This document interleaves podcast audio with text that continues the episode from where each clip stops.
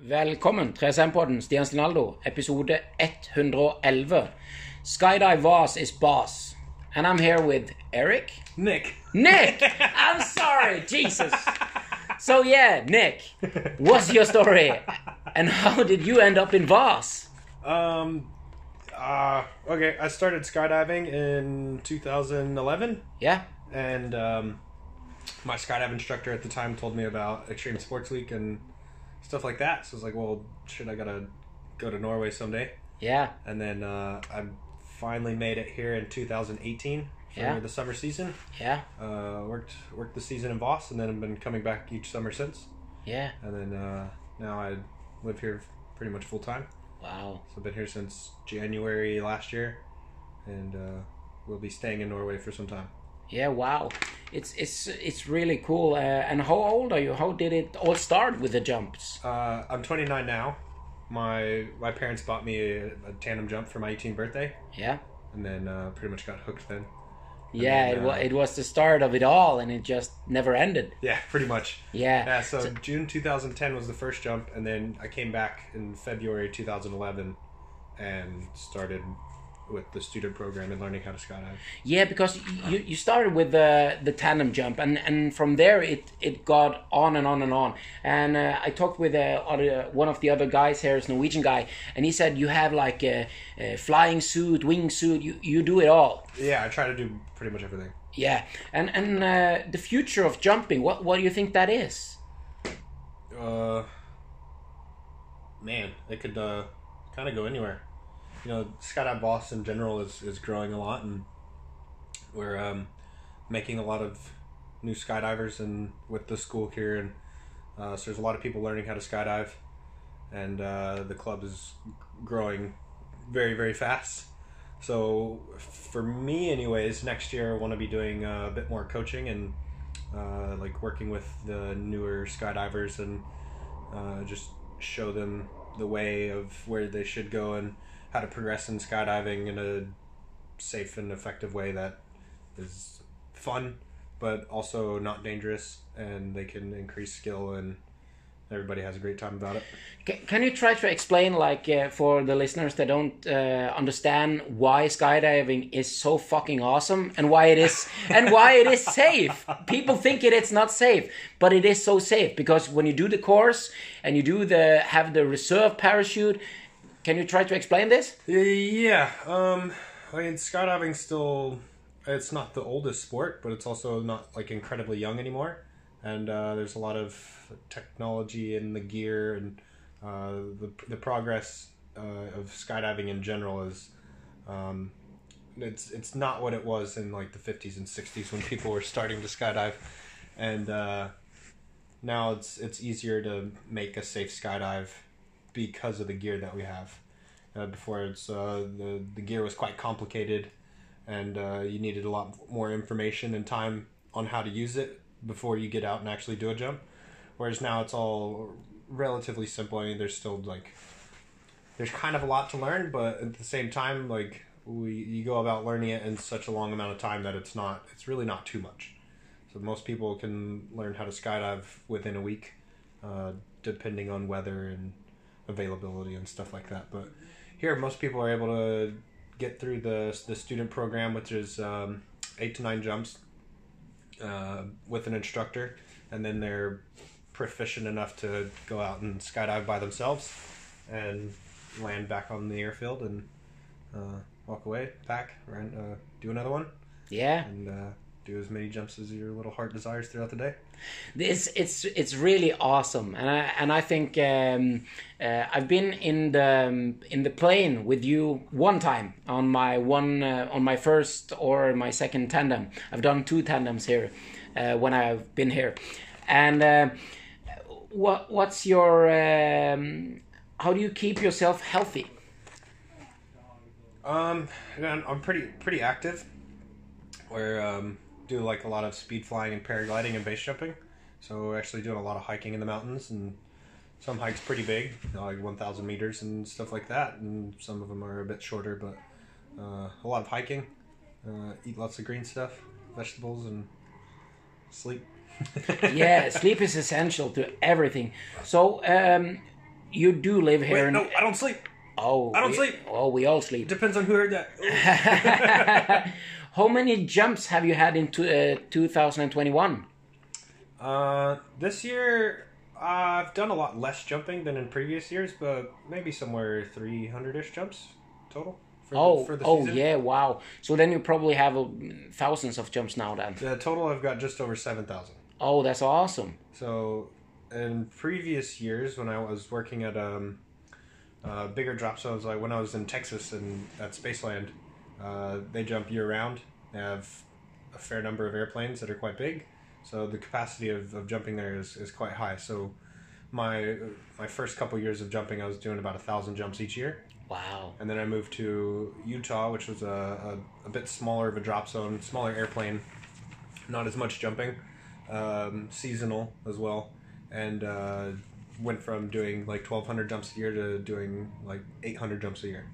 Which a- 800 jumps in a year is still a lot, but whenever when you did 1,300 the year before, that's like 500, 500 less jumps in a year, which is which is fine. It's good. Um, it's good to travel around and see new places and do other things outside of skydiving. That's true, that's true. Could you tell me a good story about uh, skydiving, for instance, from uh, Texas? Mm, Texas one. Those are just uh, regular stories. Here, here. Um, in 2017, Yeah? there was a there was a skydiving event in um, in Oregon, and uh, it was during the solar eclipse.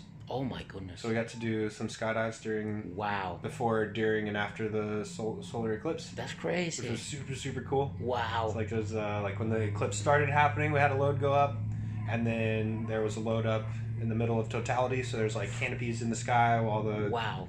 the whole Earth had gone dark again for a couple minutes, and then uh, we we were able to send up another load after totality, and there was massive festivals all around the, the airport, and because like the solar eclipse is kind of a big deal, and um, so on the airport that we were at, there was like heaps of like big jets like Google and Amazon and all these big company people with their big private jets and stuff like that that after totality happened they're like all right we've seen it. Let's get out of here. And they couldn't they couldn't leave until we were done skydiving. So so there's the one more load up the airplane landed and um, just to like prove the point of we just kind of like waited waited. Okay operations are done. We're not skydiving anymore. And as soon as that happened it was just like jet after jet after jet after jet for the next like three and a half four hours of, of people just leaving from the airport Wow. and then uh, we were done jumping by then so it was just party time Wow. That's amazing. that was a super super cool event Uh, there is there is uh, a lot of things happening uh, outside here in Voss, outside uh, now. Uh, can you tell me a little bit? It is getting closer to the end of the season. Uh, there've been uh, helicopters and a lot of different things. Yeah, so now we have uh, the 11 boogie. So all of the um, we're kind of trying to make a little bit of priority for some of the students that have learned this year and last year, and uh, trying to get them their last couple jumps to get them to a license and uh, get them some helicopter jumps, which is kind of a novelty thing. It's pretty cool to jump out of a helicopter, um, and uh, yeah, just trying to get them a few more jumps before the season's up and we go on the long winter break through the dark time and ski season, and then get back to it in April. But ski season, uh, you you you said the extreme sports and stuff. Do you do skiing or snowboarding? Yeah, and- skiing and snowboarding. Uh, this this past winter was uh, first season on skis, so that was a bit of a learning experience, uh, but it was super cool, super fun, very uh, enjoyable, and I look forward to the next next season of skiing. So um, it's gonna be cool to be able to uh, to dive with you. What's uh, who is the favorite person to dive in the air with here right now for you? Oh man, I don't really have uh, favorites, but uh, I mean, skydiving with everybody's super nice. It's good to share the sky with your friends, new and old.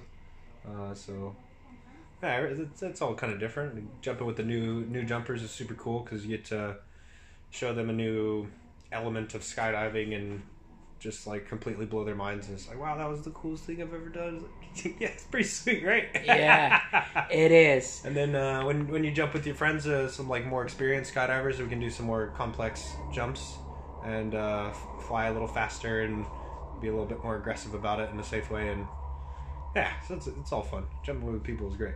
Yeah and um, it's like um, how do you say future of the jump style or type how do you ki- kind of connect the the, um, the wingsuit the tracksuit that there is so many suits There- there's a lo- there's a lot of different stuff to do with skydiving. You know, like in in the beginning, you learn how to fly on your belly. That's kind of the stable. That's that's how you're gonna pull a parachute. It has to come off your back.